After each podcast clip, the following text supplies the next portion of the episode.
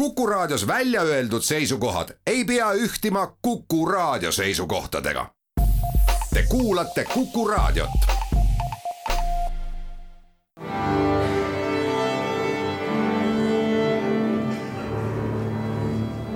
daamid ja härrad, Eesti Kontserdi saade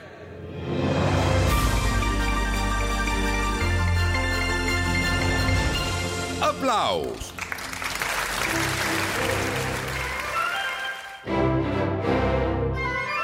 Tere kõigile, uudised Eesti Kontserdilt, olen Lauri Aav ja vaatame koos, mis järgneva kahe nädala jooksul ees ootamas ja eelkõige räägime muidugi selle nädala suurest kontserdist. Jose Cura on Eestis ja annab kaks kontserti koos Eesti Riikliku Sümfooniaorkestriga neljapäeval Pärnu kontserdimajas ja reedel Estonia kontserdisaalis ja kuigi Jose on seekord Eestis mitte ainult kui laulja, vaid ka dirigent ja helilooja, on siiski ka ooperisõpradel päris palju põhjust seda kontserti oodata. kontserdi teine pool traditsiooniline ooperikava koos metsosopran Monika Evelin Liivi ja dirigent Mario De Rosega.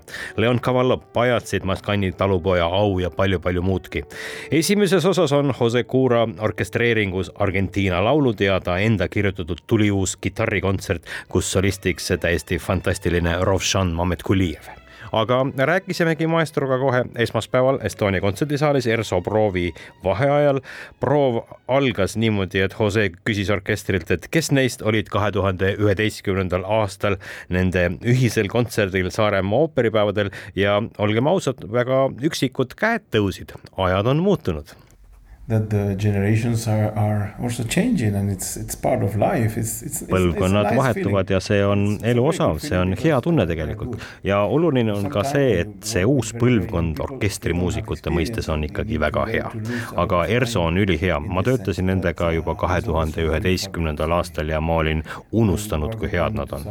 ja õhkkond on suurepärane, mul on tunne, nagu teeks koos oma sõpradega tööd, mis on selles valdkonnas tegelikult täiesti haruldane. I feel I am working with friends, which is very rare in this business ma tegelikult mäletan väga selgelt seda Jose Cura legendaarset esimest soolokontserti kahe tuhande üheteistkümnendal aastal Saaremaa ooperipäevadel, mida me siiani peame ooperipäevade ajaloo üheks edukaimaks kontserdiks. kümme aastat on möödunud, orkester on täiesti muutunud. milline on Jose Cura ise aastal kaks tuhat kakskümmend üks, kui võrrelda kümne aasta taguse ajaga? Uh, well, probably ten kilos more ilmselt kümme kilo raskem ja see on miski, mida sa ei suuda peatada, isegi kui ma ütlen sulle, et olen viimasel ajal mitu kilo alla võtnud. see on selle koroona süü, me kõik oleme olnud kodus, oleme olnud kurvad ja meeleheitel ja söömine on olnud väga tore asi, millega aega veeta. oleme kõik koroona jooksul kõvasti juurde võtnud ja nüüd tuleb see situatsioon kuidagi ära lahendada. aga kui nüüd tõsiselt rääkida, siis kümme aastat selles muusikaäris on on väga pikk aeg. minu puhul tähendab kümme aastat peaaegu et tuhat kontserti, sest aastas ma tõepoolest annan umbes sada kontserti. ma saan aasta pärast kuuekümne aastaseks ja ma otsustasin, et jätkan muusikaga tegelemist, sest ma lihtsalt armastan seda nii palju, aga võtan nüüd natukene tempo maha, sest elus on muidki asju, mida nautida ja see on üks õppetund, mis koroona mulle andis. kõik peatus ühel hetkel ja saime aru, et elu ei seisne siia-sinna rapsimises, on muidki ilusaid ja tähtsaid asju, su sõbrad, su pere, isegi su koer. äkki juhtus nii, et mul oli iga päev aega tegeleda ja mängida oma koeraga, mis on väga haruldane ja samas tore tegevus. see on see Covidi positiivne kogemus kõige selle halva kõrval, mis sellega kaasnes. kõik need inimesed, kes on selle kätte surnud, ma arvan, et me kõik teame kedagi, kes on koroona tõttu elu kaotanud. aga kui võtad kogu pandeemiat kui õppetundi, siis saad aru, et on palju asju, mida saaks muuta. Olete seekord Eestis mitte ainult kui maailmakuulus tenor, vaid kui ka helilooja ja dirigent. paljude inimeste jaoks on ilmselt üllatav, et te olite dirigent ammu enne seda, kui te laulmisega tegelema hakkasite Well, the, the, Estonian audience already knows me as a conductor because no Eesti publik, ma usun, siiski teab mind kui dirigenti, kuna lavastasin ja ka juhatasin siin Puccini ooperit Tütarlaps kuldsest läänest rahvusooperis ja see ei ole selline asi, mida saaks juhatada ka siis, kui sa juhatada ei oska, sest see pole lihtne partitur. ma usun, et ka muusikud teavad mind ja usaldavad, et nad on heades kätes. heliloominguga vist jah, on teisiti ja inimesed ei tea, et ma olen pigem heliloomingu laulja kui laulja. olen alati laulnud, aga elukutseliseks lauljaks sain ma alles siis, kui olin kahekümne kaheksa aastane. täna aga õpetan ma akadeemias just dirigeerimist ja loomingut, nii et olen otse kui juurte juures tagasi. ka kõik see on koroonakriisi põhjustatud. ühtäkki oli mul komponeerimiseks palju aega. kirjutasin selle kitarrikontserdi, mis siin kavas, aga sain valmis ka Te Deumi, mille kandis Bukarestis ette Londoni Filharmoonia orkester. nii et see on olnud olnud väga tähtis aeg, kui mul on olnud aega ja võimalust kirjutada, mis tegelikult on mu tõeline kutsumus. ma armastan laulmist, see on tõeline privileeg, aga kui ma olin laps, ütlesin isale, et ma tahan suurena saada muusikuks ja mõtlesin selle all just, et heliloojaks. My papa, I want to be a musician, it was to be a composer räägime kontserdi esimesest poolest. Argentiina laulud ja kitarrikontsert. Te olete argentiinlane, kes elab juba aastaid Euroopas. kas tunnete end siiani otse kui Argentiina saadikuna, kas teie jaoks on juured olulised? Well, it depends on the point of view. If you talk about uh, sõltub uh, vaatenurgast, kui rääkida minu geneetilisest päritolust, siis tegelikult on mu ema pool itaallane, pool hispaanlane, mu isa on Liibanoni päritolu, ma olen ikkagi väga Vahemeremaade taustaga. aga ma olen sündinud Argentiinas ja nagu enamus argentiinlasi olen ma Euroopa taustaga.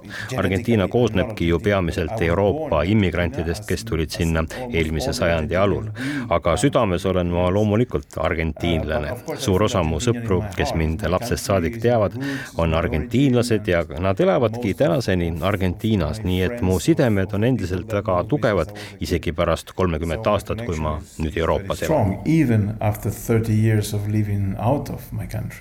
Kitarrikontsert Concerto Baron Resurgir ehk kontsert taasärkamisele.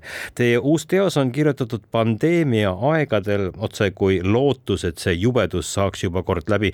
teine uus teos, mis kahe tuhande kahekümne teise aasta mais esiettekandele tuleb, on seotud neljakümne aasta möödumisega Falklandi ehk Argentiina mõistes Malviini saarte sõjast. paistab, et maailmas toimuv läheb teile muusikuna väga palju korda. Well, you know one of the privileges and the dangers üks avaliku elu tegelase privileege ja ka ohte on see, et alati, kui sa midagi ütled, on kuskil keegi, kes seda kuuleb kui sa oled tavapärane inimene, siis räägid ikka oma sõbrale, juuksurile ja preestrile, kes sind kuulab ja kui veab, siis ehk ka abikaasa kuulab.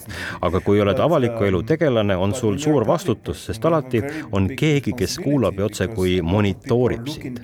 ja seda alati siis, kui me teeme häid asju ja siis, kui me teeme ka halbu asju. kui räägime tarka juttu või kui räägime täielikku jama, on ikka keegi, kes kuulab seda. kas või praegusel hetkel siin ja sellest hetkest, kui sa paned mulle oma mikrofoni nina alla ja ma ütlen midagi, on mul ka vastutus selle ees, mida ma siin praegu ütlen. ja kui ma nii arvan ja ütlen, siis ma usun, et meie, kelle käest küsitakse, oleme need, kes peavad musta töö ära tegema. sa lihtsalt ei saa liblikana läbi elu lillelt lillele lennelda. sa pead olema oma ühiskonna hääletoru, teadma, mis on probleemid, neid avalikkuse ees tõstatama ja kui sa oled helilooja, pead sa oma loominguga väljendama inimesi inimeste ja oma ajastu tundeid. sa ei saa elada universumist väljaspool nagu tulnukas oma liigikaaslaste seas.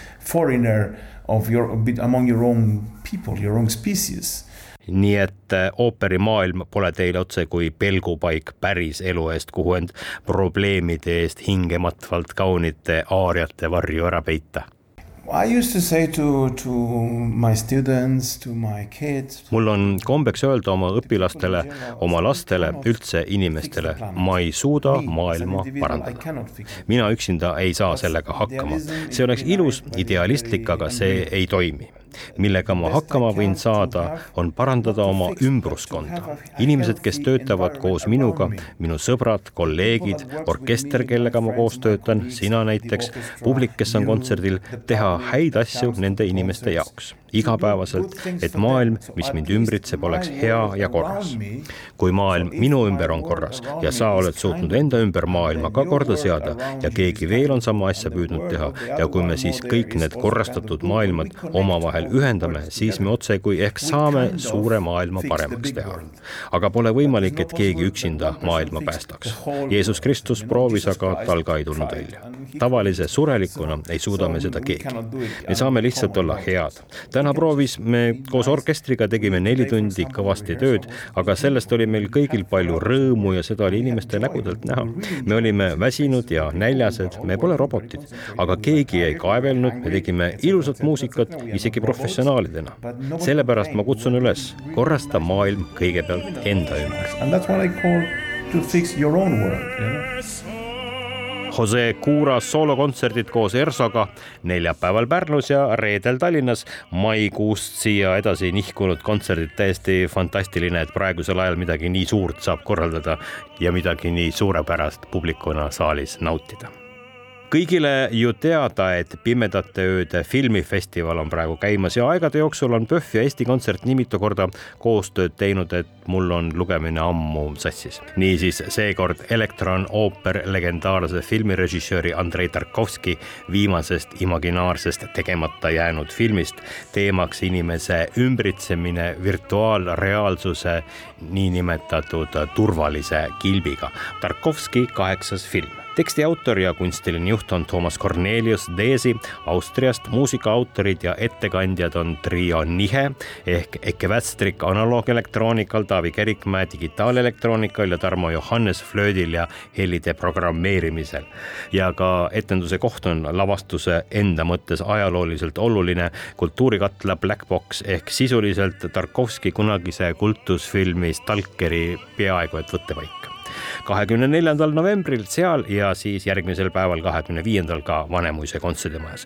Tarkovski kaheksas film meie kohtume kahe nädala pärast juba detsembrikuised kontserdid on siis teemaks ja on, mida oodata. kõike paremat.